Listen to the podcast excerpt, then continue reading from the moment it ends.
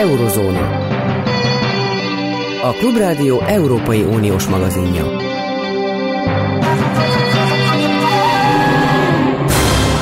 Jó napot kívánok, Zentai Péter vagyok, a vendég most Őrsi Mátyás, ismert Európa politikus. Jó napot kívánok! Jó napot kívánok! Kedvenc témája, ami nekem is kedvenc témám, és mindenki, aki a mi oldalunkon hazafiasan gondolkodik, hogy Magyarország e, hogy teljesen egyedül marad Európában. És erről ön most nem olyan régen írta egy komolynak látszó, és valóban az is cikk arra vonatkozóan, hogy Lengyelországra már egyáltalán nem számíthatunk, most már végképp egyedül vagyunk. Azt kérdezem, miért baj ez?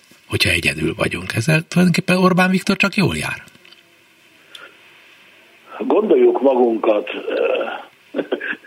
saját magunk helyébe, akik egy lakóhelyen lakunk, szomszédaink vannak, akár egy társasházban, akár egy faluban. Valamit el akarunk kérni a házban, el akarunk kérni az utcában, el akarunk kérni a környezetünkön. A kérdés az, hogy el tudjuk-e érni a céljainkat egyedül, vagy pedig ahhoz, hogy mondjuk elintézzük a, a társasházról van szó, a szemétszállítást, akkor ebben közösen lépünk fel. Szerintem mindenki tudja a választ, ha közösen lépünk fel, ha vannak szövetségeseink, akkor előbb tudjuk elérni a céljainkat. Hogyha egyedül vagyunk, akkor hősiesen tudunk közdeni, de a céljaink elérésétől messze vagyunk. Az a probléma ezzel, amit Orbán Viktor elért, hogy, hogy akár az Európai Unión belül, akár azon kívül, ha nekünk vannak elképzeléseink, hogy mit akarunk jobban, másképpen csinálni, nem lesz senki, aki mögénk áll. Igen, ez, ez nagyon így volt mindeddig.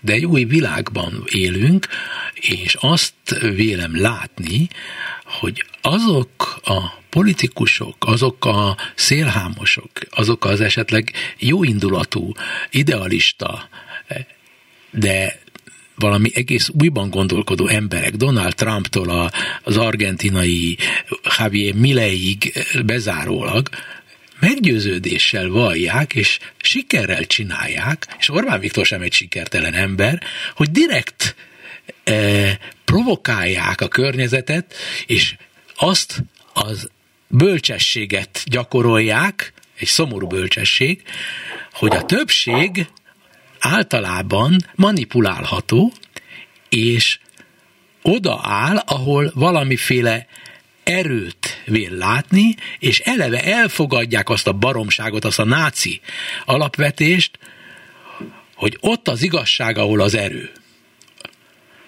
Ennél fogva, ha valaki nagyon erősnek mutatkozik, az egyedül is megállja valahogy a helyét. Hitler is így indult, esküszöm.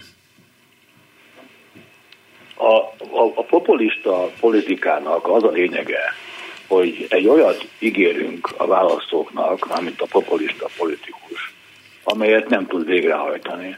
És hogyha ezzel a populista ígérgetéssel kormányra kerül, akkor gondoskodik arról, hogy ne kérjék számon azzal, hogy eltereli a figyelmet, azzal, hogy konfliktusokat gerjeszt, hogy gyűlöletet szít, hogy, hogy hát másról a kommunikációs eszközeit kihasználva gondoskodik arról, hogy másról szóljanak a hírek. Ezt látjuk egyébként Magyarországon is. Ugye ezt látjuk Oroszországban, Argentinát mondta, Brazíliában volt erre példa, azt tudom erre mondani, hogy ilyen mindig volt és mindig lesz, és tudom, hogy Orbán Viktor vágyai között szerepel egy ilyen nagy, ilyen populista áttörés, de erre nem kerül sor. Tehát ilyen kísérletek vannak, aztán ezek megbuknak. Legutóbb éppen Lengyelországban bukott meg, amely a legközelebb már hozzánk történelmileg is, és hát politikai értelemben is nyilván a sok különbség ellenére. De hát azt látjuk mindenütt, hogy Meloni, aki Olaszországban kormányfő lett, és Orbán Viktor azt hitte, hogy egyik fő szövetségese lesz, az teljesen beállt az Európai Unió fősodrába, az orosz-ukrán konfliktusban egyértelműen Ukrajna mellett foglalt állást. Salvini Orbánnak a üdvöskéje sehol nincsen. Tehát azért ilyen problémákkal reggeltől este, és hát minden alkalommal beleütközünk, tehát ilyen áttörés nincsen. Tehát Orbán Viktor egyedül marad, sokat tud erről beszélni, nyilván sokan látják őt egy nagy hősnek, akit egyedül küzd, de eredményt akkor sem tud elérni. De mi az eredmény? Az eredmény az, hogy ő igenis bénítani képes egyedül bizonyos döntéshozatali dolgokat. Svédországnak a nem tagsága az Európai Unióban nem kis részben neki is köszönhető, de most ez nem a, ez a legfelszínesebb példa. Ezernyit lehetne felsorolni, hogy hogyan tudta megtorpedózni, hogy igazi gazemberek orosz elnök között környezetében igenis be tudjanak lépni.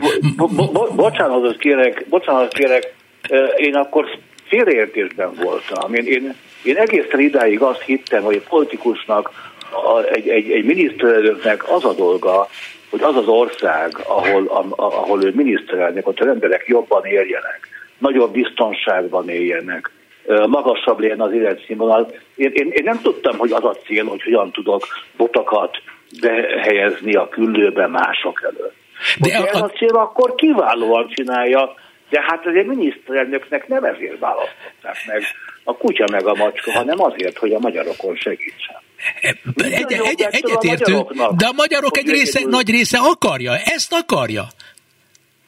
Ők elfogadják azt, hogy mi most jobban élünk, szabadabban élünk, mert magyarok vagyunk. Az egy másik kérdés, hogy ön és én, és a, a mi hallgatóinknak a 99%-a ezt az egészet, amit ő mond és csinál, e, botrányosnak, hazafiatlannak, és, és a magyar nemzet ellenére, e, a magyar nemzet történetének a, a, a sorsának a, a rontásaként fogjuk föl. De a jelek szerint ez bejött. Hát Gondoljon bele, 1931-ben, most megint csak azt fogják mondani, hogy én Hitlerrel keverem ez azért fontos, mert nagyon populista módon sikerült mindaz megcsinálni, és példamutató azok számára, akik ebben hisznek. Vagy Putyin, amit csinál. El tudja hadni azt, hogy egy agresszió az tulajdonképpen a, a nemzet nagyságát fogja jelenteni. Hogyha ez az ember úgy látja Magyarországon, hogy ez jó, és ez működik, akkor miért változtatna? Minél inkább támadják külföldről, annál inkább népszerű. Ért, értem, amit mond, nyilvánvaló, hogy annak, hogy a magyar nép Orbán Viktor munkásságát olyannak látja, amilyennek, tehát sikeresnek. Ennek, ennek nagyon nagy oka a magyar média helyzet, ahol a közszolgálati média nem mond. Tehát igazából nem, nem csinál más, mint Orbán dicsőíti és szidalmazza az ellenzéket és rágalmazza. Ez ideig odáig fenntartható, azért kicsit visszanézzünk akár csak Európa történelmében. Ezek ideig odáig fenntarthatóak, értetőködik összesukvanak.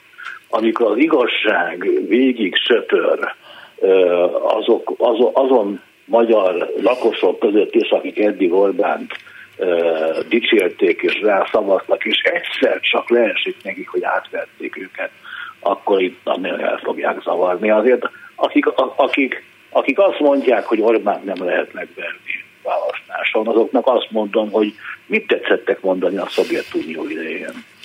Mert akkor tényleg azt gondolta mindenki, hogy ezeket soha nem lehet megverni, és lám, ők is eltakarodtak. Egy sokkal lényegesebb birodalom. Hozzájuk képest az Orbán rendszer az csak egy, egy, egy, egy köpet. Úgyhogy, úgyhogy egyszerűen nyilván rengeteget kell dolgozni ezen, nyilván, nyilván nagyon sok szervező munka kell hozzá, és ez be fog következni. Nem vagyok már fiatal ember, az én életemben ezt én simán látni fogom, hogy az Orbán rendszer óriásit fog bukni. Igen, ez, ez, pedig azért, mert nem tud teljesíteni. De a, a, ha, most övé a média illetőleg van egy igény arra, hogy az álmokat valóságként adjuk el és a jelek szerint Amerikában is tömegigény van, gondoljunk csak Trumpra. Tömegigény van arra, hogy hazudjanak álmokat. Ha ez a korszellemhez bele, belefér, akkor ott tartunk, mint a 30-as években, amikor a korszellembe belefért néhány, egy-két esztendő leforgása alatt, pillanatok alatt belefért az, hogy minden történelmet átváltoztatunk, revizionálunk, és a legvadabb, legszélsőségesebb álmokat beígérjük, és a valóságban bekövetkezik még annál is borzalmasabban a negatív, a mi szemszögükből negatív álom, az ő szemszögükből sokkal jobban bejön minden. Hát Orbán Viktor nem gondolhatta 2010-ben, hogy 2023-ban még mindig ott tartunk, hogy annak a rendszernek nincs létjogosultsága és nem életképes. És, és itt vagyunk 2023-ban, és mindig ugyanarról beszélünk, csak sokkal rosszabb lett a dolog a mi szemszögünkből.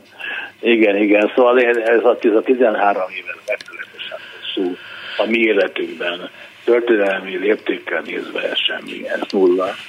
Az, hogy egy nemzet valamit megtanuljon, ehhez évtizedek kellene. És hát sok tekintetben szerintem Magyarország, Lengyelország mögött van, ezer dolog van. Például civil részvételben Magyarországon egy tüntetésre, ha van 5000 ember, az már szinte siker, miközben Varsóban az Aleja Ujazdowskiel volt, hogy egy millió ember ment az utcánkra.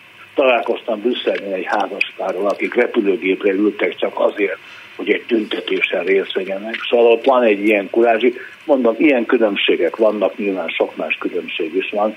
Ezzel együtt, ezzel együtt, amikor a magyarok csak megértik, hogy napról napra rosszabb a helyzetük, amikor a kórház, újabb kórházakat zárnak be, amikor, amikor nem tudnak egyről kettőre.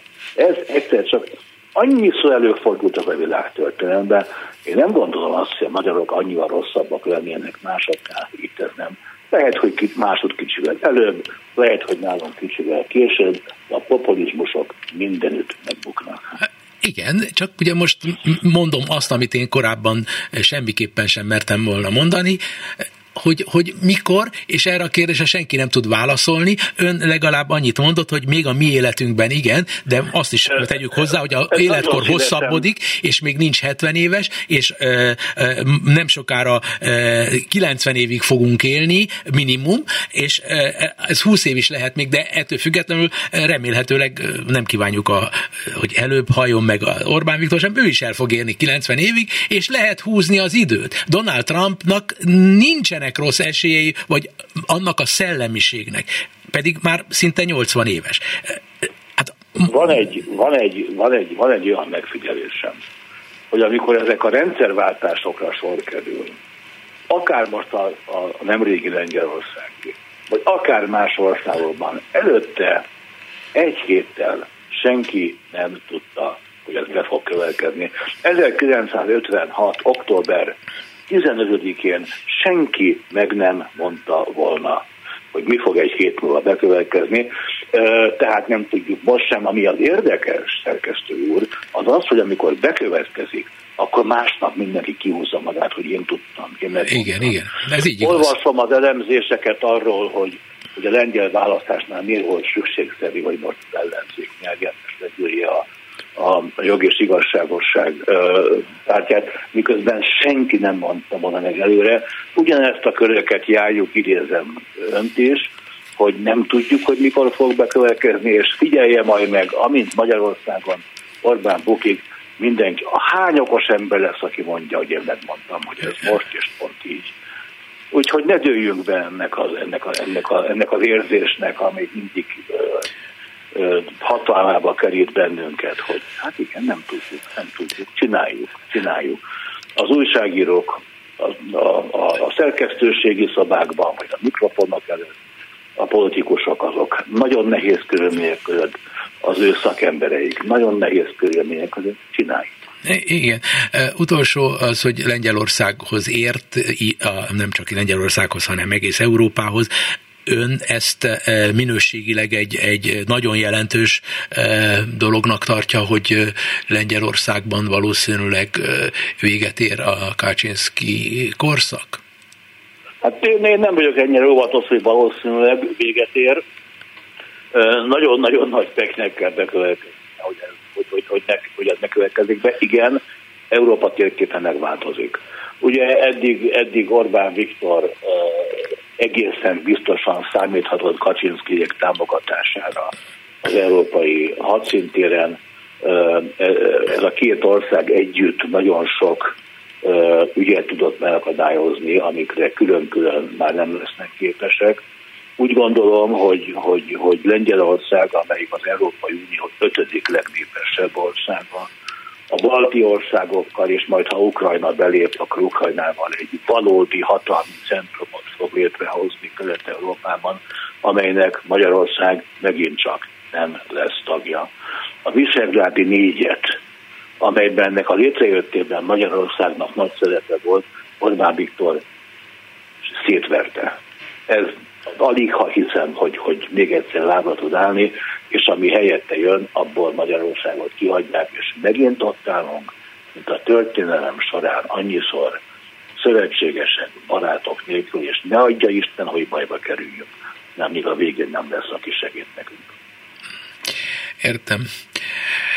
Köszönöm önnek a beszélgetést, remélem, hogy azon túl, hogy mi ketten itten elbeszélgettünk, másoknak is volt belőle haszna, hogy meghallgattak bennünket. Szívesen álltam rendelkezésükre. Viszont hallásra. Viszont hallásra. Um, Izrael. Na, ez, ez egy olyan kérdés, ahol uh, mindenki érzelmeket tud magából kihozni, és nem csak ilyen ridegen, távolságtartóan beszél Izraelről. Van, akik gyűlölik Izraelt, és van, akik imádják Izraelt. Van, akik az araboknak azért szurkolnak, mert antiszemiták, és vannak olyanok, akik azért, mert úgy érzik, hogy az izraelek elnyomják őket. Minden esetre borzalmas helyzet te lehet egy izraeli polgárnak, aki nyitott gondolkodású, mint amilyen Székely Robert barátom, aki gyakran ö, jelentkezik ö, Izraelből. Szervusz Robert! Szervusztok! Milyen érzésed van, hogy, hogy, hogy Izraelben most eme október 7-én történt egész nyilvánvalóan páratlan, példátlan eh, drámát követően az ország egységesebb, mint valaha, vagy mindazok a eh, sebek, amelyek az elmúlt 14-15 évben e, kialakultak a Netanyahu kormányzása nyomán, azok megmaradnak, és megint fájdalmasakká tudnak válni. Szerintem mindenképpen megmaradnak és fájdalmassá tudnak válni, sőt, akár még erősödhetnek is hiszen nagyon sokan gondolják azt, hogy a politika, amit az elmúlt években Netanyahu vezetett, részben az, vagy akár egészében az vezethetett ehhez a helyzethez. Ez nem jelenti azt, hogy ettől ne lenne egység. Tehát az izraeli társadalom, ha veszélyben érzi magát, akkor képes félretenni ezeket a nézetkülönbségeket és az érzelmeket, amikor arról van szó, hogy meg kell védeni magunkat, de ez nem jelenti azt, hogy elfelejtenénk a sérelmeket, és ne tudnánk ezeket együtt kezelni azzal, hogy magában a védekezésben egységesnek kell lenni. Nyilván téged is felháborít, mert te Izraelben ott voltál, amikor mindaz történt, ami történt, hogy arabok közébe, körében ünnepelték, hogy a, a, megmutattuk, hogy, hogy az Izrael legyőzhető, meg ilyen szövegeket nyomnak, de valójában én úgy gondoltam, amikor ezeket hallottam, hogy, hogy ők arabok, és, és szeretnének valami sikerélményt, mert egész Izraelnek a léte egy kudarc élmény egy sok millió arab ember számára, és nem csak megalapozatlanul kudarcélmény, hanem valóban ö, szenvedésüknek egyik oka az, hogy őnekik nincs hazatérési joguk, az, a zsidóknak meg van haza. Én zsidó vagyok, és belmegyek Izraelbe, és rögtön ö, kapok ö, letelepedési lehetőséget. Ezzel szemben a jordániai szállásadóm, egy nagyon kell, kellemes palesztin úriember, az, az megmutatta nekem a képeket a házukról, stb. és nem engedik be hogy meglátogassa az szülei, nagyszülei, az ősi sírjaikat. Tehát az ő szemszögéből nézve nyilvánvalónak látom innen, hogy, hogy hát persze, hát nekik ez, ez egy tragédia az Izrael. Ezzel szemben azoknak a zsidóknak, akiknek nem volt hova menniük, azoknak Izrael maga a csoda. És valóban az Izrael megalakulása egy csodálatos történet. Te fiatalabb vagy, te hogy éled meg ezt az egészet, hogy, hogy, hogy, hogy, hogy te tudsz-e külön, meg tudod különböztetni a, a, a, az okokat és az okozatokat, és, és jól látod, hogy, hogy egyértelműen százszázalékosan Izraelnek van igaza e, e, az arabokkal szemben, vagy pedig olyan hazaáruló izraeli vagy, aki azt mondja, hogy az a palesztinokisnak is megvan a maguk igazsága. Ez egy borzasztó összetett kérdés, amit kérdeztél, órákat lehetne nyilván erről beszélni, de megpróbálom most egy kicsit tényleg csak pár mondatban ezt megfogalmazni, ezeket az érzéseket. Először is kezdeném azzal, hogy azok, a, azok az arabok, akik ünnepelték azt a vérengzést, ami történt október 7-én, azért ez egy, ez egy kisebbség, egy nagyon kicsi kisebbség, úgyhogy azért nem szeretném ezeket az általánosításokat hogy, hogy, hogy csak úgy általában azt mondani, hogy az arabok örültek neki. Az izraeli araboknak a túlnyomó többsége nem, nem örült annak, és ők is elítélik, elítélnek egy ilyen hihetetlen vérengzést, ahogy ez volt, és főleg az, hogy ez civilek ellen, gyerekek ellen, nők, idősek ellen történt. Tényleg válogatatlan szadizmussal, tehát hogy ezt, ezt azért az a, a, a itt élő araboknak a túlnyomó többsége is elítéli. Ugyanennyire nem szeretnék általánosítani abban sem, amit az utolsó mondatodban mondtál, hogy hazaárulónak tekinthető az Izraelben, aki szerint Izraelnek nincs mindenben igaza, erről szó nincs. Az izraeliek nagy része is elismeri természetesen azt, hogy a palesztinek számára Izrael léte az egy nagyon keserű dolog, és hogy számukra ez, ez nehezen feloldható és kezelhető konfliktus és válság. De történelmi szempontból ugye ez, ez, ez nagyon összetett, hiszen izraeliek szeretik mondani, és ez, ez igaz is arra hivatkozni, hogy tulajdonképpen a palesztin államnak a létrejöttét azt, azt elsősorban az arab országokat akadályozták meg, hiszen a 47-48 után elsősorban Jordánia, kisebb részben Egyiptom foglalta el azokat a területeket, amelyek az ENSZ által palesztin államnak kilettek jelölve. Egy pillanat, Robi. Csak 67-ben szállta ezt meg. Igen, tehát ez, a, ez nagyon lényeges, és ezt az arabok nem fogadják el. Az egy, Így van. Nem tudom, halljátok el, de most éppen egy légiriadó. Úgyhogy most van légiriadó? Ezt nem tudom, nem halljátok? A igen, halljuk. Tel Avivban? Aha, igen. Úgyhogy nekem most gyorsan le kell mennem a, az óvóhelyre. És akkor, tudok beszélni, csak... Akkor, akkor visszahívunk, eh, menjél le, visszahívunk, mert most híreket mondunk, jó? Menjél le. Jó, akkor egy tíz perc, jó? Jó, köszönöm, köszönöm. Eurozóna.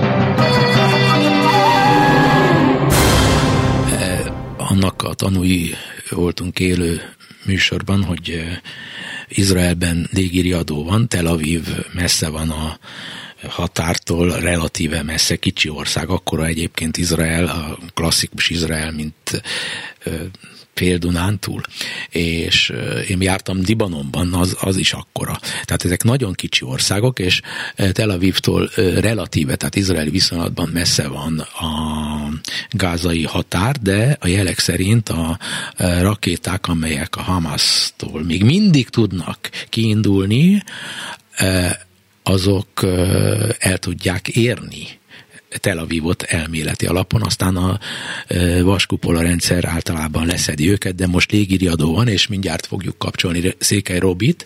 Már ott van? Robert? Vagyok. Én nagyszerű. Köszönöm. E, na, most te hova kerültél? Lementél a pincébe, vagy hol vagy? Igen, igen, igen. Most éppen már megyünk vissza a lakásba, és reméljük, hogy ma már nem lesz több de, de ugye Tel Avivba nem, nem tud, Tel Aviv annyira be van védve, ugye, hogy nem tudna rakétákat be, belőni Tel Avivba a Hamas gyakorlatilag. Sajnos egyáltalán nincs így. Éppen egy 20 perccel ezelőtti légiriadó után talált egy rakéta el egy házat, itt Tel Avivon belül, úgyhogy sajnos a légvédelem azért az nem hermetikus, tehát valójában tényleg a, a, ez a vaskupola ez nagyon-nagyon jól működik. De ez a nagyon jól működés, ez mondjuk azt jelenti, hogy 90-95 százalékban uh-huh. működik, És hát a 95% az mindig azt jelenti, ugye bár, hogy néha egy-egy rakéta át ezen a védelmen. De hát megint tulajdonképpen ez a, ez a dráma, amit te, és gondolom a hallgatóink is ér, ez átéreznek, ez egy gázai hazafi, hogy így mondjam, de most nem, nem kell itt a szavakon lovagolni, Hát ez, hogy, hogy, hogy lám, a király mesztelen. Hát még agyon bombáztak már bennünket ezek a cionisták, és még mindig tudunk kilőni rakétákat. Egy, kettő. Hát másfél napig király, a, a, a közel-kelet legfantasztikusabbnak tartott országa vétlennek bizonyult, és nem tudott reagálni a, a népírtó terroristáknak a, a, a gyilkolását nem tudta megakadályozni. Ezek a dolgok ahogy én itt innen könnyű a Pesti stúdióból, hál' Istennek itt béke van. Lehet zsidó, lehet arra, mindenki békében él de ott nem hagyják az embereket békében élni. Tehát, hogy, hogy, hogy, hogy ott nem merül ez föl, hogy, hogy azért mi, mi itten azért mégsem vagyunk annyira erősek, és igenis Izraelt veszélybe tudja sodorni az, hogyha önmaga belülről is eszi magát? Természetesen ez felmerül, és természetesen a belső konfliktusok azok gyengítik Izraelt, ez nyilvánvaló, de egész soha senki nem gondolta azt, hogy Izrael legyőzhetetlen lenne. Tehát azért ezt mindenki úgy gondolja, és ma is úgy gondolja, én is úgy gondolom, hogy igen, az izraeli hadsereg a világ egyik legjobban felszerelt és legjobban legerősebb hadserege, de ez nem jelenti azt, hogy ne lehetne kárt okozni. Ugye itt a legnagyobb probléma az az, a gázai övezetben, ahol él több mint két millió ember borzasztó szegénységben és tényleg nagyon-nagyon rossz körülmények között, ezeket az embereket felhasználja egy, egy terrorszervezet arra, hogy lényegében egy élő pajzsot adjon nekik. Tehát Izrael azért tud nagyon nehezen harcolni ez ellen, mert Izraelt, mint egy demokratikus államot, ugye folyamatosan ellenőrzi és monitorozza a világ, az ENSZ és egyéb szervezetek, és számon kérnek rajta minden egyes lövést, minden egyes támadást a Hamas ellen, miközben a Hamas ugye azt csinál, amit akar, hiszen nem foglalkoznak vele, ez egy terrorszervezet, ezért az ENSZ nem is foglalkozik azzal, hogy, az, hogy, a, hogy, hogy a Hamas mit csinál. Na most borzasztó nehéz úgy harcolni, hogy az egyik oldalnak be kell tartania minden úgymond demokratikus játékszabályt egy háborúban, amit számomra eleve nehezen értelmezhető, hogy hogy lehet egy háborúban ilyeneket betartani. De nem volt még a világon olyan háború a nyugat által sem, ahol ezeket betartották volna ezeket a ENSZ törvényeket, meg, meg Genevai egyezményeket és stb.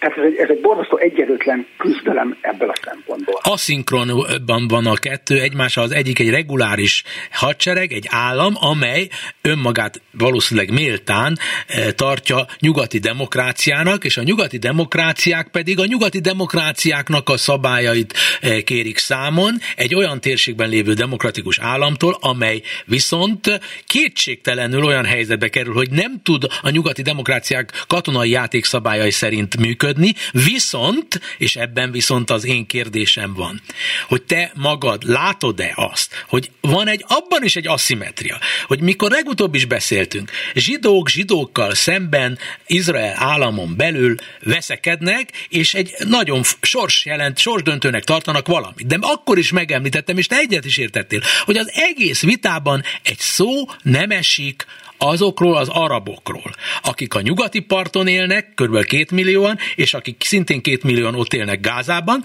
és még zsidó államnak is nevezik azt az országot egyre büszkébben, miközben a lakosságának a 20%-a többé-kevésbé arab, izraeli arab. Ha én izraeli arab lennék, kiesne a szívem. Őszintén, ha nekem ebben az országban zsidóként úgy kellene élnem, hogy az, ez keresztény magyar ország. Hát, akkor én innen lelépek. Miért kell, miért kellett ennyire, ennyire semmibe venni azoknak az embereknek az érzelmeit? Én nem gondolom, hogy semmibe lennének véve ezek az De hát miért nem mondj, miért kell ez a zsidó államduma? Nem értem.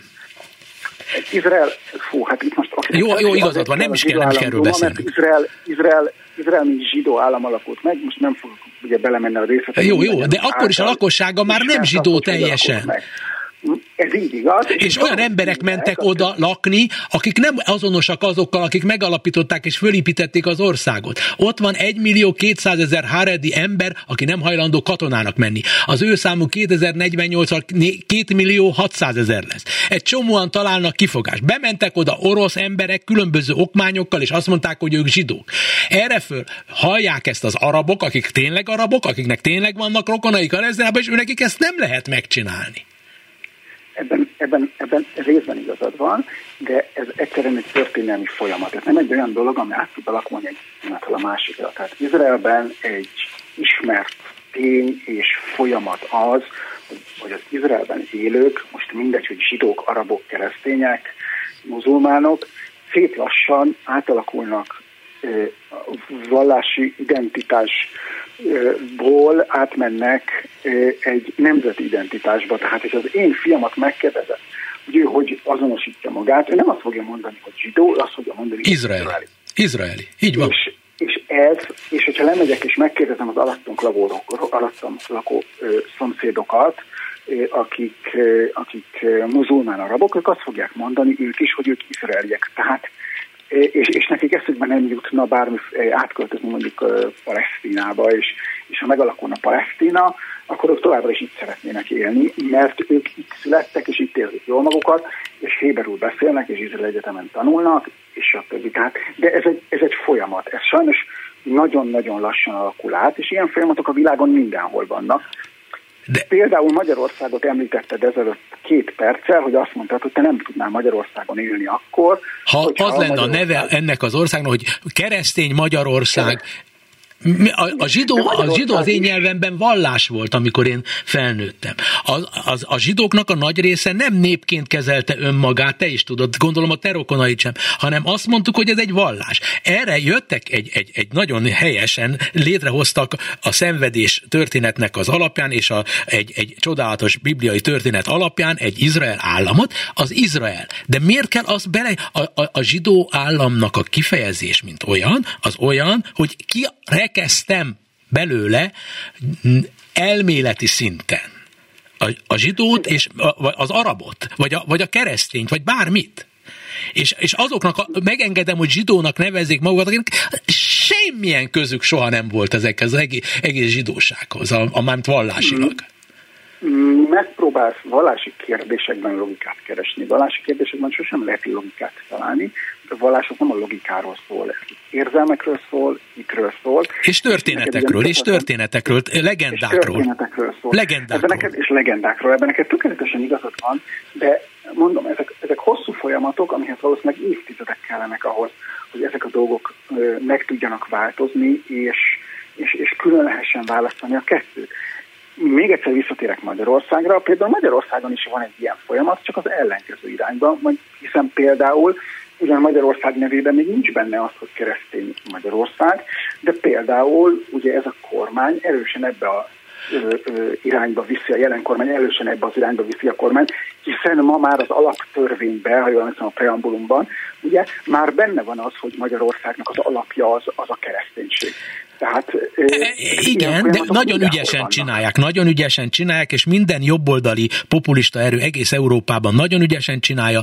A dologból leválasztják a zsidókat, és azt részének tekintik, mert, tud, mert az a benyomásuk, hogy a világ a zsidók kezén van, és jobb félni, mint megijedni, és ezért elmennek egy egészen szélsőségesen Izrael barát politikába, mm, és minden további nélkül menlevelet kapnak az izraeli jobb jobboldali kormánytól, még ha odahaza, vagy bárhol, valójában közt egymás között valóban ősi zsidó ellenesség van bennük, de imádják Izraelt. És egy csomó antiszemita imádja Izraelt, és leantiszemitázzák azokat a baloldaliakat, liberálisokat, akik megpróbálnak valamiféleképpen eh, eh, eh, az araboknak a jogairól beszélni, és akkor azt mondják, hogy az egy pro-palesztin, pro-Hamas, és akkor pro nem emberírtó és antiszemita. Tehát ez, ez, ez mostanában én ezt tapasztalom. Hát engem is leantiszemitáznak, Igen, öngyűlölő zsidónak neveznek.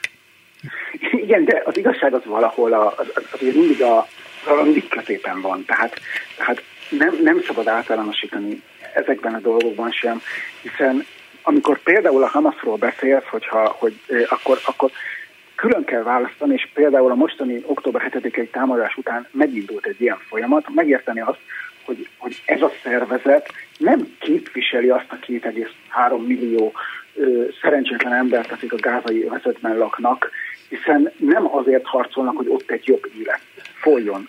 Nem azért harcolnak, hogy az ott lévőknek munkahelyük legyen, hogy a gyermekek megfelelő edukációt kapjanak, hogy a kórházak jól tudjanak működni, hanem ugye teljesen másra összpontosítják a, a pénzt, az erőt, és ugye egy totalitárius államot vezetnek. Nem lehet összemosni azt, hogy, hogy vannak terrorszervezetek, vannak politikusok, vannak különböző ugye játszmák a közel-keleten, nagyon komplikált játszmák, ugye a síták és a szuniták között.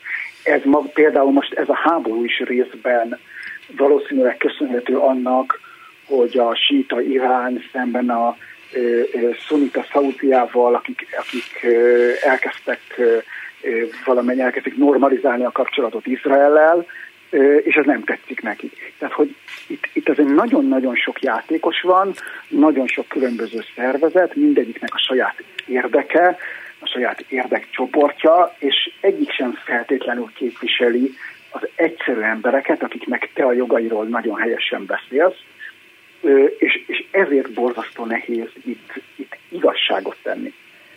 Én, én azt szoktam mondani, hogy a legnagyobb, hogy a békének a legnagyobb ellensége az az igazságkeresés, mert az igazság az egy, az egy szörnyen szubjektív dolog. Az én igazságom nem feltétlenül ugyanaz, Igen. mint a te igazságod, vagy mint valaki másnak az igazsága. Igen. És amíg ezért harcolunk, addig nem lesz béke. Igen.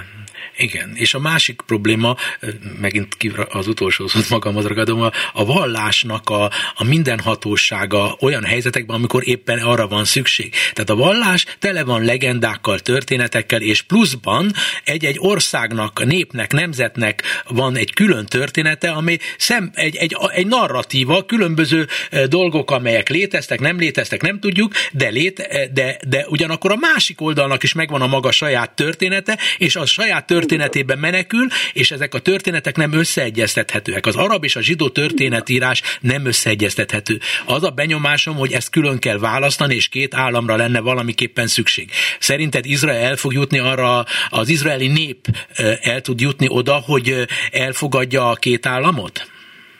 Én nagyon remélem, hogy el fog erre jutni. A 90-es évek elején a Rabin kormány alatt már többségben volt Izraelben azoknak a száma, akik, akik a két ország megalapítása mellett voltak. A második intifáda kitörése után ez ismét kisebbségbe került. Én azt hiszem, hogy ma, ma most ilyen, hát ilyen 50-50 százalék körül lehet talán, akik a két állami megoldás mellett vannak, szemben azokkal, akik úgy gondolják, hogy jelenleg nincs kivel megállapodni. Uh-huh. És mindaz, amit te most elmondtál, minden rész valahol igaz. Nagyon nehéz találni bárkit, akivel erről lehet tárgyalni, szinte most senkivel sem, és a másik oldalról pedig sokan meg úgy gondolják, gondolom Izraelben, ezek a nagyon új nacionalista vallási erők, vagy új cionisták, akik azt mondják, hogy ez egész az, az a milyen kész. Ez, ez nem, nem, nem, erről nem nyitunk vitát, ez a miénket, mit, mit fogunk nem, a saját területünkről vitátkozni. Sajnos így van. Nagyon köszönöm, és nagyon együtt érzek egyébként amellett, hogy a palesztinokkal is, de az izraeliekkel most különösképpen. Minden jót kívánok nagyon, neked. Nagyon szépen köszönöm mindenkinek további kellemesnek. Vajon ez a közel-keleti dráma hasznosul-e valamiképpen Oroszországnak a mostanában oly nem különösebben átbeszélt agressziója kapcsán, tehát hogy hasznosul-e az oroszok számára. Kis Benedek József szakértővel beszélek. Egyébként ő ismeri Izraelt, mert Izraelben volt diplomata. Jó napot kívánok! Jó napot kívánok! Szóval. Mi a kérdés? Az a kérdés, hogy az oroszoknak jól jön-e ez a közel-keleti dráma? Hát jelenleg jó jön abból a szempontból, hogy elterelő világ figyelmét, meg kell nézni a médiát, bármit kinyitunk, mindenki a gázai konfliktussal foglalkozik, és kevésbé törődik azzal, hogy a térségében most milyen hatalmas támadások vannak orosz részről, milyen védekező akciók vannak az ukrán részről, és egyáltalán az egész orosz-ukrán háborúval kapcsolatban most kevesebbet foglalkozik a média. Tehát ez Oroszországnak jó. Ezen kívül erősíti a kapcsolatait Iránnal, ami számukra fontos abból a szempontból, hogy onnan kapják a drónokat, illetve kapnak rakétákat is, sőt a irániak egy, egy gyárat létesítettek Oroszország területén, ahol uh, drónokat szerelnek össze, tehát nyilván ennek vannak politikai, gazdasági és katonai hozadékai. Ezen kívül még azt is meg kell említeni, hogy az oroszok ahol csak tudnak, betartanak az amerikaiaknak, hát ezt elég világosan látjuk előre az egész háborúból. És hát, hogyha az amerikaiaknak elsőleges célja Oroszország, Izraelnek a támogatása, akkor nyilvánvaló, hogy Oroszország meg próbálja a másik oldalt előnyben részesíteni, bár mondjuk az elég kényes téma, hiszen ezt a egész mostani, nem hosszú távon nézve, vagy összefüggésével nézve, de ezt a mostani ödöklést, ez speciál a Hamas, illetve a palesztin iszlám dzsihád kezdte. Na most ez igazságosnak és becsületesnek nem nevezhető. Hát nem vagyok abban meggyőződve, hogy Oroszország most a jó oldalon áll, de ez legyen az ő bajuk. Uh-huh. Egyébként tudja, hogy most éppen Moszkvában tárgyalnak a Hamasnak az Igen, emberei, a... és el lehet képzelni, hogy a végén az fog kijönni a happy endként, hogy az oroszok fogják elősegíteni az izraeli túszoknak a, kiszabadulását. Ebben az esetben sokszoros előnyre tesz szert Oroszország. Hát én ebben vagyok biztos, hogy ők ezt meg tudják csinálni. Tudnék ezeket a túszokat nem, nem úgy, ahogy most fogom és kiengedem. Itt nagyon komoly komoly alkuknak kell lenni, ebbe bele kell menni Izraelnek, tehát ezzel hiába tárgyalnak Hamasszal. A Hamasznak az kell, hogy az Izraelnek engedjék szabadon a körülbelül 6000 palesztin fogolyt, és ettől ezzel beszélhetünk. Hamasznak az a célja, hogy ezeket az embereket akár élő bajskulsz használják fel egy izraeli szárazföldi akcióba, tehát ha valaki abban a tévhitbe ringatja magát, hogy ezek a túszokat ki fogják engedni, akkor, akkor szerintem rossz vonalon jár. Én úgy látom, hogy ki fognak engedni egy pár embert, mint hogy eddig is megtörtént nagyon kevés, hát most 200 valamennyiből kiengedtek négy embert, az soknak nem nevezhető, azokat ki fogják engedni, akik gyerekek, jó nagy csinadrattával, ki fogják engedni azokat, akik valószínű meghalnak, a, nem kapják meg a gyógyszert, főleg idősebbek, de azok, akik katonák, mondjuk izraeli katonák is ott vannak a Hamas fogságában, én nem hiszem azt, hogy most egy orosz közreműködésre ezeket kiengedik. Addig tartják, ameddig csak el nem érik a célukat. Ez ismerik el Hamas az előző beszélgetésben azért egy kicsit közelebb hozta nekünk az izraeli beszélgető partner, hogy a Hamas megéri nagyon a pénzet, egy igazi gonosztevőkből összetevődő maffia Persze. csoport. Viszont ami Oroszország-Ukrajna háborúját illeti, ön most a jó bevezető mondatában említette, hogy törnek előre bizonyos részeken az oroszok katonailag. Amerikában olyan embert választottak a képviselőház elnökévé republikánust, aki azt mondja, hogy Ukrajnát Fiatolnak nem szabad most már sokat segítenünk. Ficó beállt abba a sorba a szlovák hogy ember, hogy nem adunk fegyvert Ukrajnának, és a nemzetközi környezet ugye most a, a palesztinokra, Izraelre figyel, tehát az idő nem gondolja, hogy és a katonai helyzet nem gondolja, hogy tényleg erősen az oroszok kezére játszik? Én nem gondolom, hogy arra játszik tudni, hogy nyugaton van egy olyan elhatározás, és ez nem csak az Egyesült Államok részéről nyilvánul meg, hanem nagyon sok szövetséges részéről is. Hát ha megnézzük a NATO-t, ugye akkor tulajdonképpen egy ország, aki nem támogatja ezt igazából, az Magyarország. Most, hogy mit lehet mondani a, a szlovákokról, hát bocsánatot kérek, nem egy meghatározó tényező Szlovákia a NATO-ba, és ráadásul ugye már az összes eszközét odaadta, tehát nincs már nekik mit adni. Odaadta az összes MiG-22, mert 10 valahány repülőgépet, tehát nekik már nincsen, nekik kell az, hogy nyugatról kapjanak, és hogyha esetleg mondjuk egy kicsit megzsarolják őket, akkor mindjárt megváltozik a Ficónak a politikája, tehát én ezeket a ezeket a apró kis összeneteket nem tudom komolyan venni. Nem hiszem, hogy a szlovákoknak az lenne a céljuk, hogy ne kapjanak hozzá megfelelő eszközöket nyugatról, és hogy Oroszországból szerezzenek be technikai eszközt. Tehát szerintem Szlovákia mérete miatt, fontossága miatt nagyon könnyen kezelhető a NATO belül. És Amerika? Amerikának más a helyzete. Nyilván Amerika egyelőre úgy néz ki, hogy támogatja ezt a dolgot. Itt különben annyi hangzott el, hogy az általános segélyprogramból ezt ki, ki kell venni és külön kell figyelni. Amerikának is alapvető érdeke az, hogy Oroszországot meggyengítse. Erről szól ez a háború. Ez nem egy ukrán-orosz háború, ez egy amerikai-orosz orosz eh, konfrontáció háború formájában is megnyilvánul, de itt alapvető amerikai cég az oroszoknak a meggyengítése, úgyhogy én úgy gondolom, hogy ez a támogatás továbbra is megy, és ehhez megkapja a többi országtól a támogatását. Nézzük meg, hogyan viszonyulnak ez a britek, hogyan viszonyulnak a németek, hogyan viszonyulnak a franciák, mit mondanak ezzel mondjuk Dél-Korea esetében, mit mond Ausztrália esetében, az ottani közvélemény, tehát abszolút látszik, hogy támogatják. Hát ők is értik, hogy itt miről van szó tulajdonképpen. Tehát most ebből belekeverni egy, egy szlovák helyzetet szerintem... Hát az nevetséges valóban. Ez az én hibám, csak a, a, a, jól hangzik, úgyhogy én belekevertem, de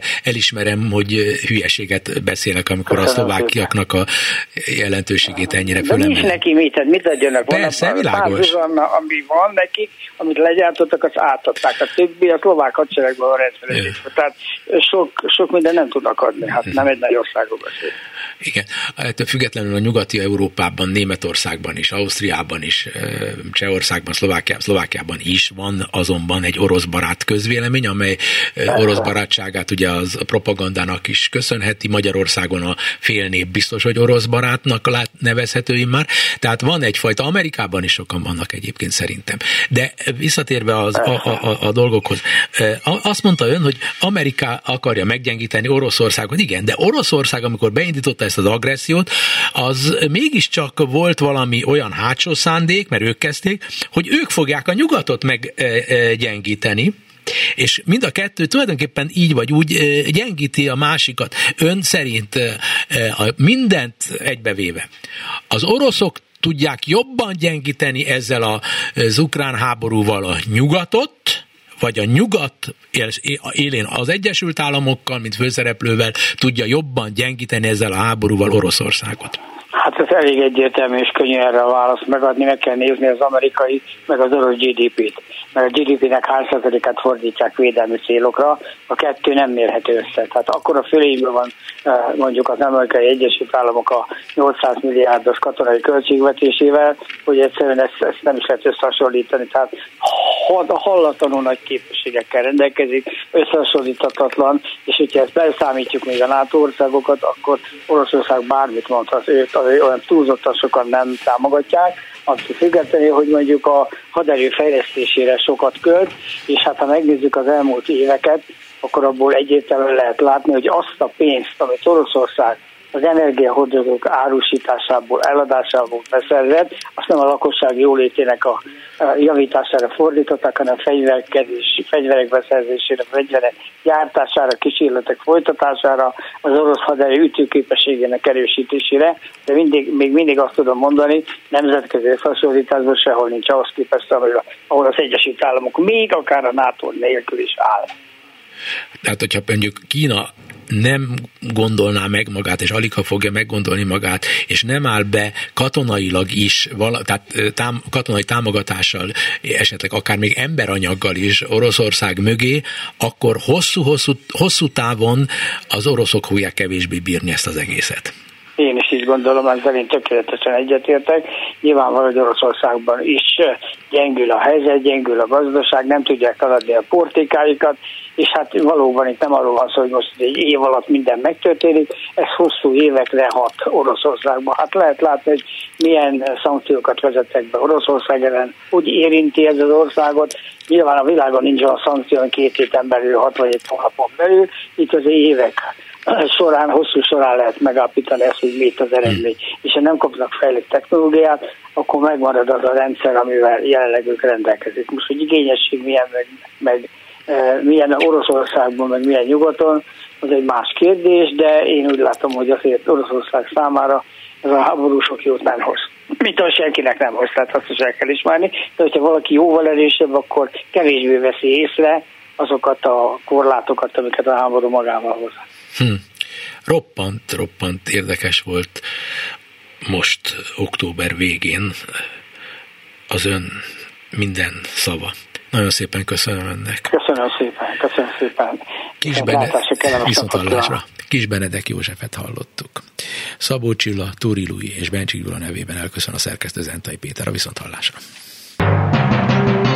Önök a Klubrádió Európai Uniós magazinját hallották.